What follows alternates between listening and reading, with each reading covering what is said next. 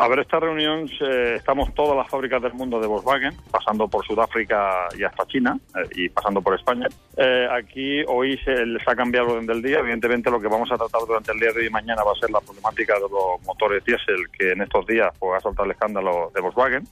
Hay una situación de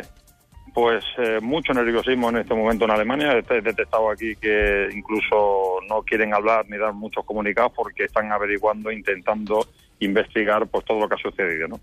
Bueno, eh, vamos a ver lo que nos cuentan, vamos a ver lo que podemos sacar de aquí, pero principalmente es el compromiso nosotros y tengo preparado mañana la pregunta sobre las inversiones, que es lo que más nos preocupa, y sobre todo la afectación y de dónde se van a rescatar los fondos para hacerse cargo de todos eh, los arreglos que se tengan que hacer, dijéramos, en los talleres eh, como marca SEAT. Vamos a pedir que cómo está, primero la inversión, segundo, cómo está la situación del traslado del Q3 si se queda en Martorell o, de, o se va a cambiar los planes del Q3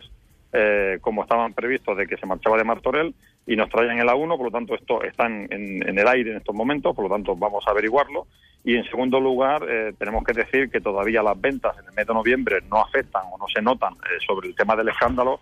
porque eh, lo, que hemos firmado en noviembre de los sábados de producción y el calendario de noviembre son de ventas que se han producido entre agosto y septiembre, por lo tanto. El, para saber si afecta o no afecta, dijéramos, de lleno, eh, porque haya bajada de ventas, esto lo tenemos que esperar un mes y medio, dos meses más que serán para los sucesivos. Bueno, eh, en primer lugar tenemos que decir que aplaudimos que el ministro haya hecho caso, en este caso, a la UGT que lo de, que le denunció de que no sabía lo que estaba hablando este hombre. Yo creo que un ministro no se puede levantar por la mañana y coger un medio de comunicación y decir lo que le plazca, es decir, tiene que estar asesorado y para eso tiene sus asesores y, y hablar eh, en consecuencia de lo que está hablando, porque es que el plan PIB era para rejuvenecer el parque automovilístico. Y, segundo, en el tema del CO2, de las bonificaciones del CO2,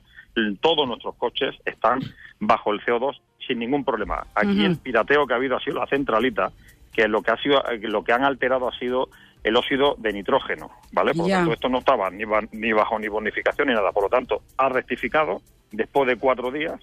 pero en cualquier caso le, llamamos la atención porque lo que no puede hacer un ministro es eh, poner nerviosos a los trabajadores, poner nerviosos a todo el mundo, sin saber y mintiendo, y esto es grave lo que voy a decir, pero es que es cierto, mintió la opinión pública cuando dijo que a la empresa le parecía bien. Yo le puedo garantizar que el viernes tuvimos una reunión UGT de comisiones con la dirección de la empresa y en ningún momento la empresa dijo que le parecía bien. Por lo tanto, lo que no puede hacer un ministro no es informar mal, sino lo peor es que miente cuando da una información a la opinión pública.